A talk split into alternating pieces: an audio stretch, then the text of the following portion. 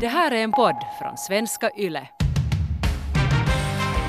Det här med att bli utesluten ur en grupp så det händer ju förstås på arbetsplatser också, att, att inte vi vuxna på något sätt alltid. Alla hade jättekiva after work på Zoom, men ingen sa till mig. Precis, det påverkar då arbetsplatsklimaten om det är så här. Hej och välkommen till relationspodden Norrena och Frans. Här för några månader sedan när skolorna stängde så var ju det här med distansskola förstås någonting som alla inte riktigt visste hur vi skulle förhålla oss till. Men en poäng som, som lyftes fram sen eh, efter ett tag var att, ja, att de som mobbas i skolan de tycker nog faktiskt att det här är ganska skönt. De slipper gå till den där skolgården var folk hoppar på och gör illa åt dem. Och då börjar vi lite, Hanna, fundera att det här med mobbning, det borde vi prata om, men kanske då gällande vuxna personer och arbetsplatser istället. Ja, det är ju precis lika många vuxna som, som upplever eh, mobbningssituationen mobbningssituationer på sitt jobb, men det är ju kanske att vi talar inte så mycket om det och det är inte heller så att man kan gå till läraren och säga att någon kommer och styra upp det, utan när det gäller vuxna människor så på något vis förutsätts vi att vi ska kunna reda ut våra konflikter själv. Mm. Men uh, det verkar inte vara riktigt så. Vi har fått in ett tips faktiskt från er där ute uh, angående just det här med arbetsplatsmobbning och utfrysning och hur man egentligen ska hantera det. Så, så det ska vi ta oss an Mm, ja. nu. Det var Minna som skrev till oss och berättade att eh, hon är utfryst på sin arbetsplats. Jag har kämpat i månader för att få information av mina kollegor. Jag orkar inte mera. Mina kollegor är tysta eller så gnäller de på om sina egna saker och jag förstår mig inte på dem. Jag är nära gränsen till sjukskrivning på grund av den här utfrysningen och arbetsplatsmobbningen.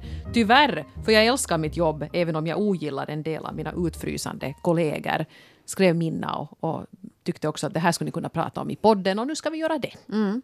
nu är vi ju inte några experter på, på mobbning, lyckligtvis kanske man får säga i det här skedet. Men eh, som alltid då vi upplever att vi behöver lite förstärkning så kallar vi in den. Och eh, med oss eh, den här veckan så har vi Marina Matela som är företagspsykolog och också psykoterapeut.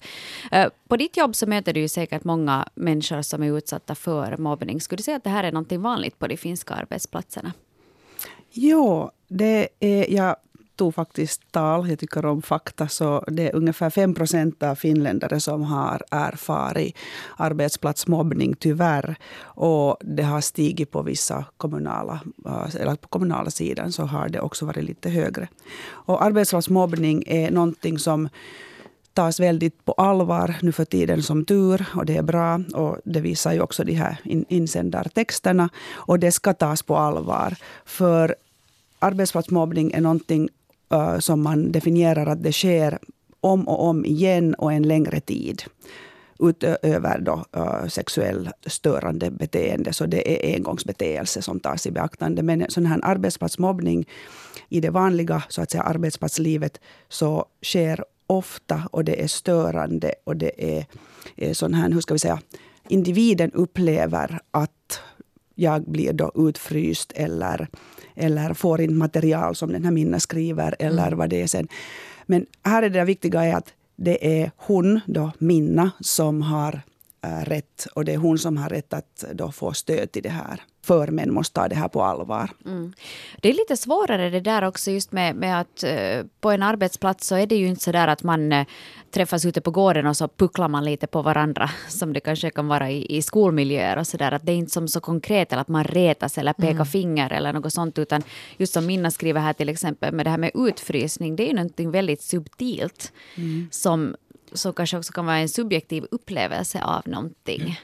Ja, eh, att tillhöra en grupp eh, människor, så det är ett behov vi har. Okej, okay, vi finländare tycker också om att sätta oss ensamma på våra stugor och stänga dörrarna och så här, men det är ett valt, ett valt tillstånd. Men allt utfrysande ur en grupp där jag ska tillhöra officiellt eller icke officiellt, jag upplever att jag inte blir medtagen, att jag inte är med på mailinglistan eller jag har inte blivit förklarad varför jag inte får vara med på det här mötet. Jag förstår inte. Så det är en känsla av hot alltid för oss som en art, helt enkelt. Mm. Jag måste Marina fråga dig här nu, du kan förstås inte berätta exakt vad dina klienter har tagit upp med dig, men har det märkts någon sån här skillnad i hurdana frågor folk vill ta upp med dig nu när många har jobbat hemifrån? Byter den här mobbningen på något sätt karaktär eller kan man bli utfryst också på, på distans? Mm nej, det har faktiskt inte kommit upp nu. Det, här, det har varit så mycket annat tror jag i människors liv just nu. Att människor har försökt få sina arbetsuppgifter gjorda då, Ja. så att säga på gammalt vanligt sätt. Men klart, det, om det här skulle fortsätta en längre tid och det här är jättekänt i den yngre människor så att säga och vuxna yngre människor. Så det här med att bli utesluten ur en grupp, eh, Whatsapp-grupp eller något sånt. Så det händer ju förstås på arbetsplatser också. Att, att inte vi vuxna på något sätt alltid Alla hade jättekiva afterwork på Zoom men ingen sa till mig. Precis, och det här är jätte, det påverkar då arbetsplatsklimaten om det är så här. Just det. Men ibland brukar man ju också vet du, tänka så här att, att på en arbetsplats att vi är alla vuxna och man får nu tåla lite och det är kanske en lite hårdare miljö än vad, vad det är så där annars i sociala sammanhang. Va, vad tänker du om, om det här med att man är att man är känslig eller att eh, ja, men du ska inte ta det så hårt eller att man får tuffa till sig lite på jobbet. Att, man ska inte, att det nästan är den som blir utfryst som, som har ett problem med att vara lite överkänslig och ta åt sig. Mm. Ja, det där är, det där är liksom en farlig väg att gå. Det vill säga, vem är det som beslutar vilken sorts humor? Och jag har faktiskt printat ut också eh, här, här information att det här att, att göra någonting med skydd av humor. Så det, det finns en nyans. Och det att vi har lärt oss eh, olika sätt att, att använda humor. Så det finns människor som är skickliga att använda humor, som använder sig själv som målet av humorn. Eller en upplyft, ett upplyftande sätt att alla känner sig bra, det vill säga man använder såna ämnen. Så finns det de som är tyvärr mycket oskickliga och trampar över folk med, så att säga, de döljer äh, ironin, sarkasmen som vi ska då tåla. Äh, så den är inte på arbetsplatser så det är inte skickligt helt enkelt. Det är egentligen ett skydd för den där individen själv som är osäker eller rädd. Just det. Och det där kan jag faktiskt lite känna igen till och med från den här arbetsplatsen. Jag har jobbat här så länge så det här behöver vara helt preskriberat. Men jag minns att när jag började här i början av millenniet så sattes det lite en sån där prestige i att här var en sån här grabbig jargong som man skulle anpassa sig till. Och den finns inte. Det finns liksom inte ens minsta, minsta liksom tecken på den och mera. Så den är borta. Men nu när du säger det här så kommer jag att tänka på det här att, att det var lite jobbigt. Att det var lite sådär att, att man skulle anpassa sig och vara med i gänget. Eller sen kanske man tyckte det var jättejobbigt och aldrig blev bekväm här. Precis. När man känner att någonting är obekvämt, så det är en reaktion som är normal. Då är det obekvämt mot mina värderingar. Ett skämt som... No, mina barn säger att jag är alldeles för allvarlig och du ska absolut inte försöka berätta ett skämt någonsin i ditt liv. Så jag gör inte heller. Men ett, ett osakligt skämt till exempel. Nej, skrattar jag eller skrattar inte? Nu som äldre så har jag lärt mig då förstås också i privata sammanhang. Nej, det gör jag inte. För Ja. jag tycker inte att det är roligt. Men det är ju det är ganska vanligt det där, både på, på jobbet Mm. och sen kanske också privat, att man märker att någon säger någonting som är elakt och sen om den tar åt sig och så är man så att "Nä, förstår du inte något skämt? För att det var ju bara menat som ett skämt. Mm. Ja. Att man förklär den där spydigheten i, i ett skämt och sen anklagar man den utsatta då för att inte ha humor. Precis, ja. Och det är ett vanligt sätt att göra det. Och här kommer då förstås ansvaret också till en, det här är nu vuxna människor att säga hej, tyvärr, nej, jag gillar inte skämt över det här ämnet. Och berätta det helt enkelt. Nu om vi skulle ta ett, ett brev till här. Det var Sof26 som skrev om sin situation. Jag jobbar som städerska och med servering av mat på ett daghem i ett år. Jag hade inte utbildning för det här men de behövde nu någon akut. Det var bara kvinnor på den här arbetsplatsen och det brukar ofta betyda att det blir tjafs. De ignorerar mig mer och mer och en dag då jag skulle gå till kafferummet hörde jag att de pratade illa om mig, att jag var så okunnig med mera. Så jag gick till mitt kök och kokade kaffe där. Efter några dagar reagerade de som undrade varför jag inte ville vara med dem. Vissa erkände sen och bad mig komma och dricka kaffe med dem igen, men jag sa nej, jag tycker inte om sånt där och glatt och nöjt gick jag därifrån när kontraktet tog slut. Jag hade tur som kunde sluta på det här jobbet och inte tvingades stå ut som många andra. Ja, kanske det där också var lite en sån här arbetsplats var de satt prestige i att ha utbildning och så såg de liksom ner på den här som skulle fixa maten och, och städa och inte hade den där utbildningen. Mm. Och att man fryser ut där också, eller att man lite så Precis ignorerar. Mm. ja, ignorerar lite. Och, och, och, och sen så... Den här personen tycker jag ändå var, var liksom stark i det att man, man visar tydligt med sitt beteende att, att det här är inte okej. vad, vad, tänker du? Jag tycker det är ganska många som har skrivit om, om, faktiskt om dagismiljöer. Att där verkar det pågå ganska mycket bakom de här äh, välpolerade småbarnspedagogiska fasaderna. Ska, de är så snälla med barnen så att de tar ut allt på varandra. Alla sina aggressioner. Ja. Jag, jag, måste säga att jag uppskattar mest i världen lärar, läraryrket och, och dagispersonalen, hela personalen som jobbar där. Men här är grundläggande, händer här i början av den här berättelsen att uh, att den antagligen inte fick en, en, så att säga, en sån här uh, skolning när den personen kom in. När det och var de andra, ja, ja, när det var för mm. bråttom. Och så fick inte de andra i personalen en konkret uh, beskrivning. Här kommer uh, Sof nu och hennes uppgift är det, det, det och det. Och om ni behöver lite hjälp i det här så kan ni också be. Men till det här kan ni inte be hennes Just hjälp. Mm. Så här är det förmannen och det som har hänt absolut första dagen, andra dagen när man äh, nu presenterar den här nya människan och hennes arbetsuppgifter till resten av personalen. Mm. Exakt. Så det är ett ledarskapsproblem där ja. då, som ja. har lett till att personalen då har varit oklar med vad som förväntas av vem. Precis. Ja. Mm. Och så beskyller man då den här nya som man tycker att inte ser jättebra på på ja. det, vad, det vad hon gör. Ja, så det var inte, inga, inget fel på några personer, allt var otydligt. Ja, men där skriver också mm. Sof om det här med att, att eh, på en arbetsplats där det finns mycket kvinnor så blir det lätt tjafs. Det var någon annan som var inne på det också. Ja. Blir det mera tjafs eh, bland kvinnliga kollegor än, än män överlag, Marina? Här, här tar jag nog, jag tänker att människor, det blir tjafs på olika sätt bland människor, vuxna människor. Och det är personligheter, individer. Och jag tänker att den här äh, gamla sättet att se på, ett föråldrat sätt att se på att äh, kvinnor skulle ha mera tjafs. Äh, kvinnor är mera verbala ofta, så möjligen kan man höra det mera. Möjligen, men nu för tiden är nog men precis lika verbala också. Så jag tänker så här att det här är en liten så här föråldrad synvinkel möjligen. Att hur vi lär flickor, kvinnor att föra fram sina åsikter och sina idéer och tankar.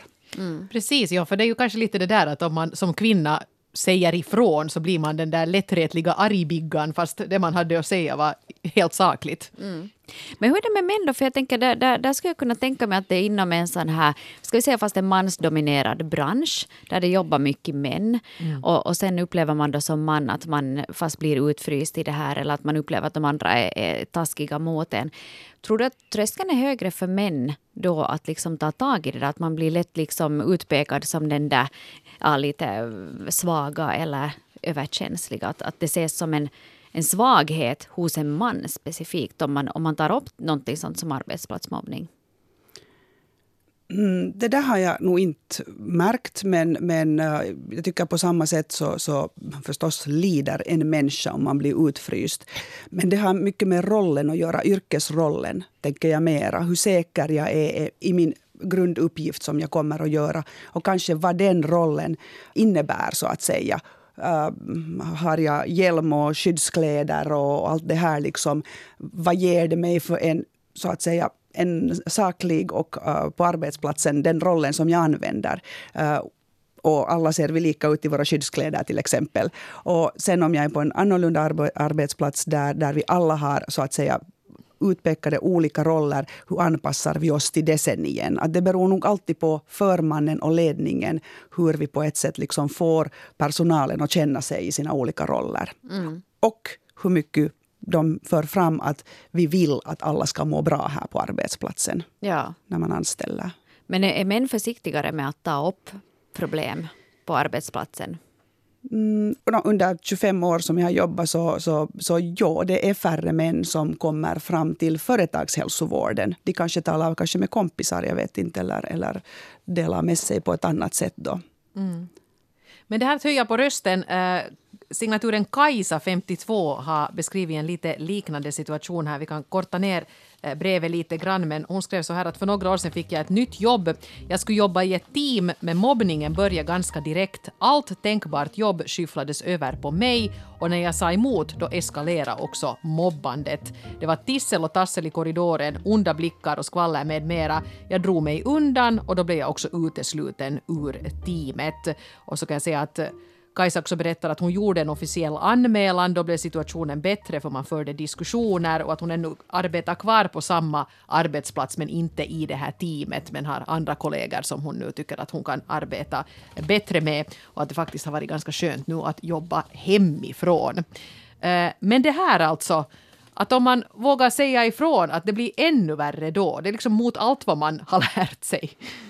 Ja, det är tyvärr så att, att många är rädda för att tala om det här för att man, man blir upplevd som jobbig precis, att, att du, du går inte med på det här.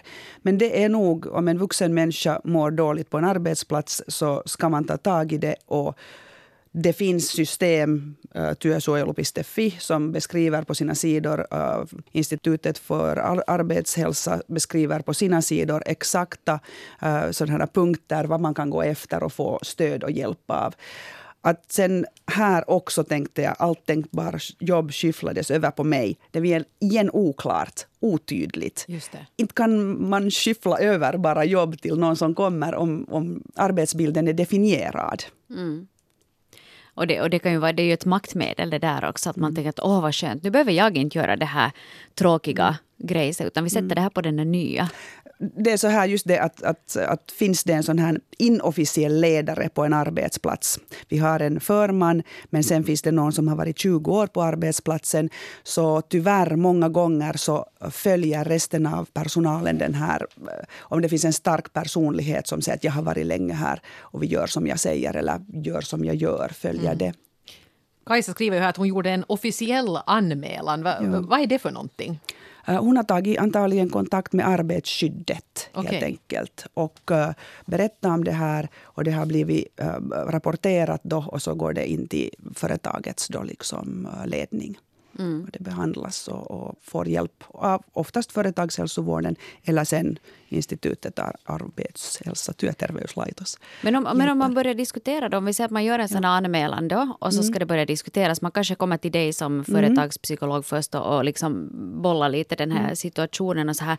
Vad är det som händer sen då? För det tror jag att mm. många kanske är lite rädda för också. Att, att vad händer sen om jag anmäler det här? Det är som i skolan, säg inte till läraren för då blir det ännu värre. Ja, att, är det då, ska man liksom träffas kring samma bord eller någonting? Det kan ju kännas som att det är det absolut farligaste situationen för en som mobbad på jobbet. Mm. Man absolut inte vill träffa sina plågoandar och, mm. för att man är rädd för att det blir ännu värre eller att de vet du, gör sig lustiga över en. Eller. Mm. Vad händer där? No, om en arbetstagare upplever sig vara mobbad och inte har gjort någonting på en lång tid så brukar det bli så att den personen börjar bli utmattad, trött, uh, får olika symptom, sömnlöshet, mår helt enkelt dåligt. Och då brukar den personen söka sig till företagsläkaren och det är läkaren oftast, eller oftast alltid, som då skickar till företagspsykologen om det finns sådana här konfliktsituationer. Och då funderar jag individuellt med personen, vill den ha stöd av oss, företagshälsovården? Och om den personen vill ha det så går det till så att företagsläkaren, personen i fråga och förmannen diskuterar situationen. Förr kallades det för trepartsdiskussion och nu heter det väl hälsodiskussion eller något sånt, ja, hälsovårdsdiskussionen. Och så funderar man att vad skulle hjälpa helt enkelt. Konkret så skriver man upp på måndagar kommer jag senare på jobbet eller eh, vi måste ta till tals med någon annan person. Alltså man funderar tillsammans i lugn och ro och skriver upp. Och sen går man tillväga så att vi frågar att hur har det gått där på arbetsplatsen. Det är förmannens ansvar alltid. Alltid. Om det är förmannen som mobbar, här fanns någon sån text, så då är mm. det man ska ta kontakt med förmannens förman. Men allra först ska man säga åt den personen att jag upplever nu att du behandlar mig på ett annat sätt till exempel än andra. Eller jag tycker inte om tyvärr det här sättet som du talar till mig. Mm. Eller det verkar som du glömmer att sätta mig alltid på uh, mailinglistan konkreta saker. Men jag tycker också det var en jättebra grej det här. Det är liksom två, två olika frågor nu som du egentligen ja. har besvarat med samma sak. Att det har varit oklart från början. Så tänker jag att nu är det säkert många som ska börja till exempel med, med sommarjobb. Att det kanske inte alls är en så dum grej att man vågar vara lite krånglig med sin chef redan första dagen och säger att skulle du kunna göra nu en jättetydlig lista på vad det är jag ska göra och kan du ta det här med de andra? Ja, absolut. Så, så skulle alla veta det åtminstone. Ja, att här kommer den här personen nu, det här är dens ansvarsuppgifter och den kan också tura den där om det är jättehåsigt till exempel vid kassan eller något sånt. Här. Ja. Just det. Eller den kan inte, för den har inte hygienpasset så den kan absolut inte röra vid kassan Precis. eller vid Ja. äh, maten. Ja.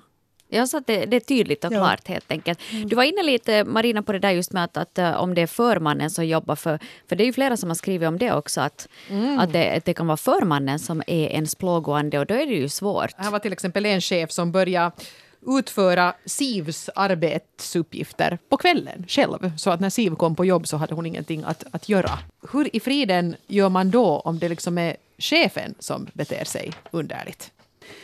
Det har hänt någonting här också igen med arbetsuppgifterna. Det vill säga om det är ett företag där det har anställts till en person, om jag nu tar så här krasst uh, tar att det har kommit en skickligare yngre person som, som ska uh, göra några uppgifter till exempel. Så, så en sån som har funnits där länge så kanske upplever att det, det känns jobbigt att, att de förs över. Igen har det inte beskrivits vem ska göra de här uppgifterna. Att, att här är det en maktfråga ibland. Att det här är mitt område, ta inte bort av det här. Och då verkar det ju också otydligt. Ingen har beskrivit vad tas bort och vad läggs till. Mm. Vad är uppgifterna? Ja. Du nämnde Marina också det här med, med eh, förmannens förman. Men ifall man jobbar på ett litet företag vet du, där det kanske bara finns då att förmannen är också chefen och kanske ägaren också den som har anställt dig. Så, så då kan det ju också bli, bli ganska så besvärligt. Signaturen eh, Tipso 72 har skrivit in om, om just det här. Jo, jag har blivit mobbad på jobbet och det resulterar i en lång sjukskrivning och därefter halvtidstjänst med möjlighet att jobba delvis på distans. Jag var nära pensionsåldern och gick också i pension vid 63 trots att jag gärna skulle ha jobbat fullt ut till 65 men att bli mobbad av en kollega och förman blev för mycket. Livet var helt enkelt inte värt att leva så och det var ett rent helvete. Vi var två personer som jobbade på samma kontor och kollegan nästlade in sig med chefen. Fy, det här är svårt att tala om fortfarande fast det har gått flera år sedan. Bra att ni tar upp det här ämnet. Så frågan här alltså, att vad ska man göra om man är just på en liten arbetsplats, en, ett litet företag Och, och, inte vill gå i pension som Och inte Tipson pen- nu var tvungen att göra. Då. Ja, nej, men att man, att man har fast då chefen och kollegan har nästlat ihop sig och sen är man kanske då det tredje hjulet där. Vad kan man göra då, då det inte finns någon förmannens förman? Mm. Här skulle jag säga alltid att allra först gå till företagshälsovårdaren. Hon är en person som man kan vända sig till. Man behöver inte gå vaccineras eller på några undersökningar. utan Har man ett sånt här dilemma och behöver stöd snabbt så den bästa personen är företagshälsovårdaren som finns för alla lagstadgat helt enkelt. Och beställa ett besök hos henne och säga att hej, så här är min situation och vad kan, jag, vad kan du hjälpa mig med? V- Vad kan de hjälpa De med? kan då? hjälpa med, med att börja planera sen att hur ska vi göra vidare. Träffa då företagsläkaren som är den som alltid har den där, hur ska vi säga, uh, håller i trådarna egentligen i de här hälsovårdsdiskussionerna sen med den här förmannen här och uh, den här andra, no, andra arbetstagaren tar vi inte i, i hänsyn här, här utan det är då med den där förmannen. Och så alla får hjälp. Och företagshälsovårdarna de är helt otroliga i sina kunskaper om det här också. Så de skickar vidare då till psykolog eller till läkaren då och börjar att planera. Och det kan ju behövas just det här, för att om vi har fast en liten firma, där jobbar en handfull personer, att den där personkemin och kanske de här mer eller mindre uttalade rollerna och uppgifterna, så man är lite insyltad i varandra. Så det kan ju vara ganska bra att det kommer någon utifrån som ser på det här med fräscha ögon, som märker att nej men hej, att då ni gör så här, att det här är faktiskt inte okej. Att man får in en neutral part i det här, att man känner att man inte är ensam med att hantera den där situationen. För, för jag menar, nog vet vi alla det att ibland så kan det bli lite sådär en liten soppa av alltihopa. Ja. Men det, så, så som du förklarar här Marina, är det alltså så att den här chefen kontinuerligt diskuterar med företagsläkaren för att det liksom på något sätt ingår att man ska veta? Eller ringer läkaren då upp och säger att nu, nu är det en sån här grej på gång som du ska ta Absolut. itu med? Okej, Ja, precis. så det är ansvaret av företagshälsovården är att stödja personen som kommer till oss. Och trots att eh, företagen köper eh, tjänsterna av företagshälsovården av olika företag så är det så att säga ansvaret att erbjuda företaget förslag till någonting som kan förbättra omständigheterna på arbetsplatsen. Ja. Vi kan inte tvinga någon att göra någonting. Men vi kan ge förslag när vi ser att ah, ser du, det kommer många människor från den här arbetsplatsen och det verkar hända någonting. Mm. Så då är det ansvar, no, företagsläkaren är den som håller kontakt, eller företagshälsovårdaren uh, med arbetsplatsen och säger, har ni märkt att ni har um, många människor som insjuknar här. I, liksom att, att, behöver ni stöd? Och vi skulle erbjuda då till exempel det att vi talar om växelverkan på arbetsplatsen. Mm, till exempel efter föreläsning eller något sånt. Men, men tycker du att folk är liksom villiga att ändra sig då?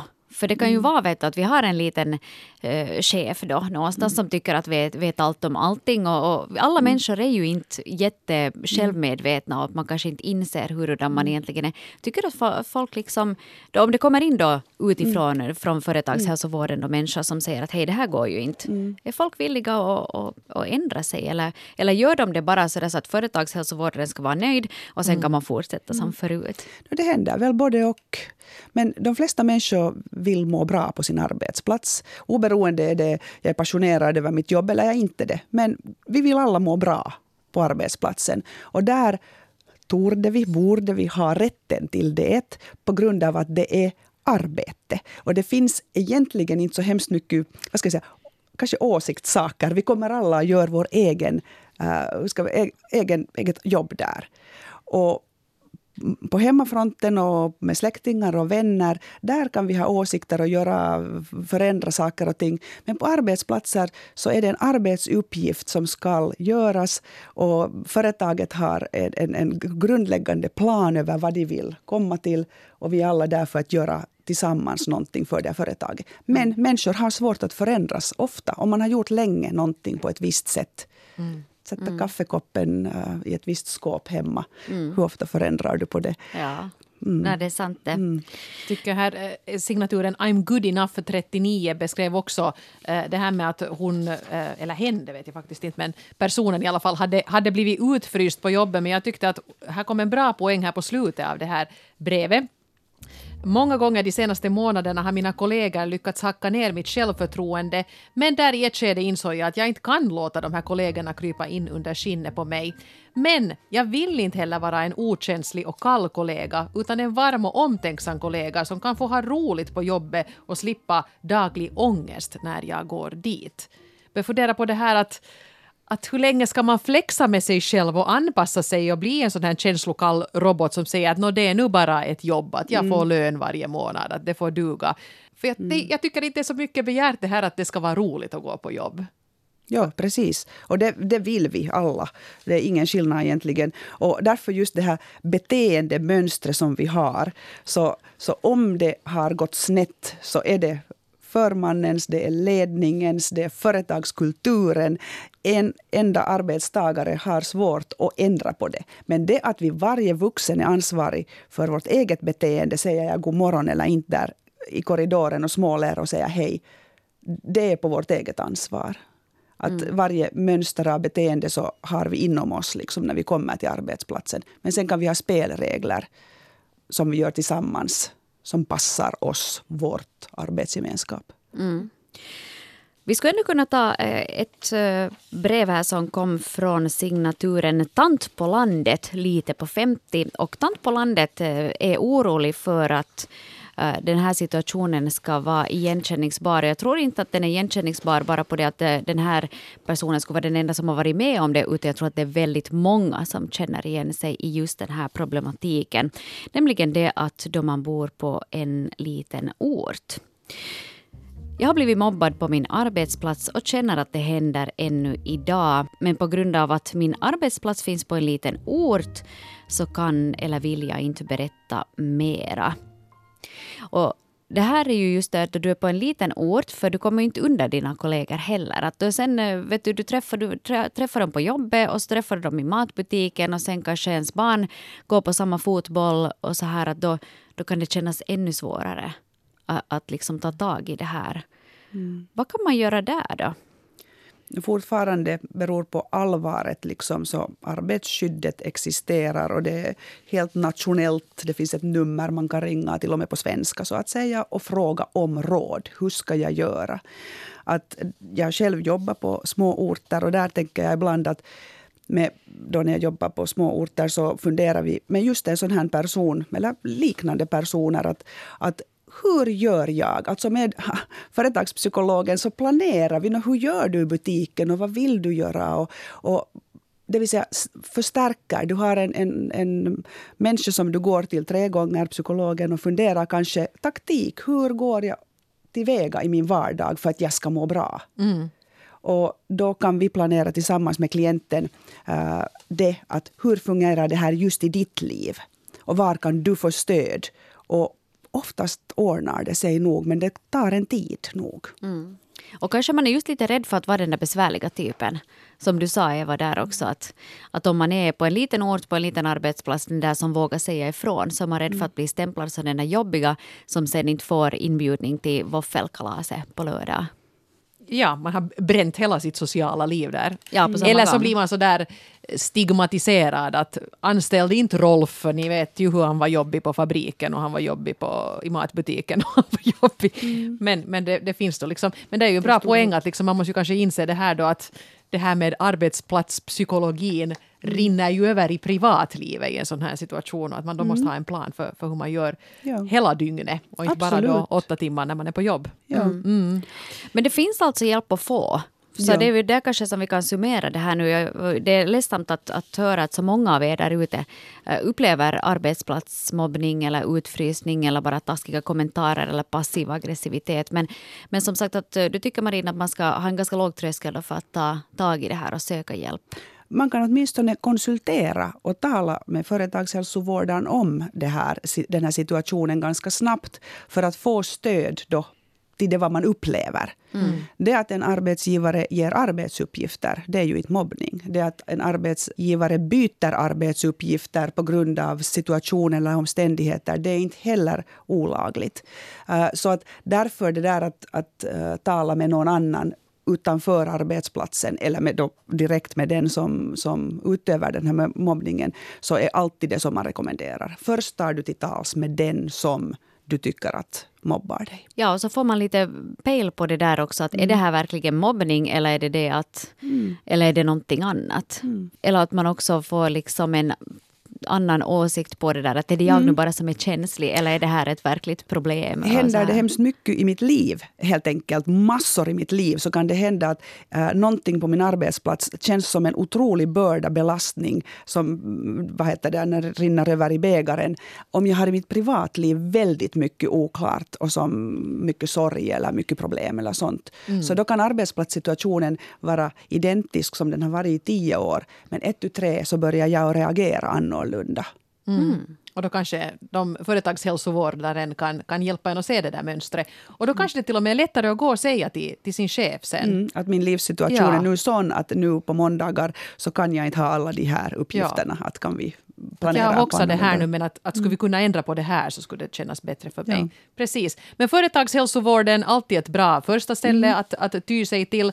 Du hade många tips och du har en lång lista med olika länkar som du har tagit med Marina. Det är vi ja. jättetacksamma för och de ska ska vi lägga i en liten faktaruta och skriva en artikel om det här ämnet på svenska.yle.fi. Så att där kommer du som känner igen dig i de här berättelserna vi har läst idag och, och skulle vilja ta det vidare, lösa det här problemet där kommer du vidare på svenska.yle.fi alltså. Oj, jag tycker inte vi kom någon vart. Nu måste Marina komma tillbaka någon gång så fortsätter vi prata om det här för jag tror tyvärr inte att det här är ett tema som försvinner i ja, det första forskning hand. och allt här. Oj, oj, oj, oj, oj. Halva Wikipedia hade hon i handväskan men det här var vad vi hade med idag. Mm. Vi hörs igen om en vecka. Tack till dig Marina och tack till alla er som har skrivit in. Sköt om er och var snälla med varandra på jobbet.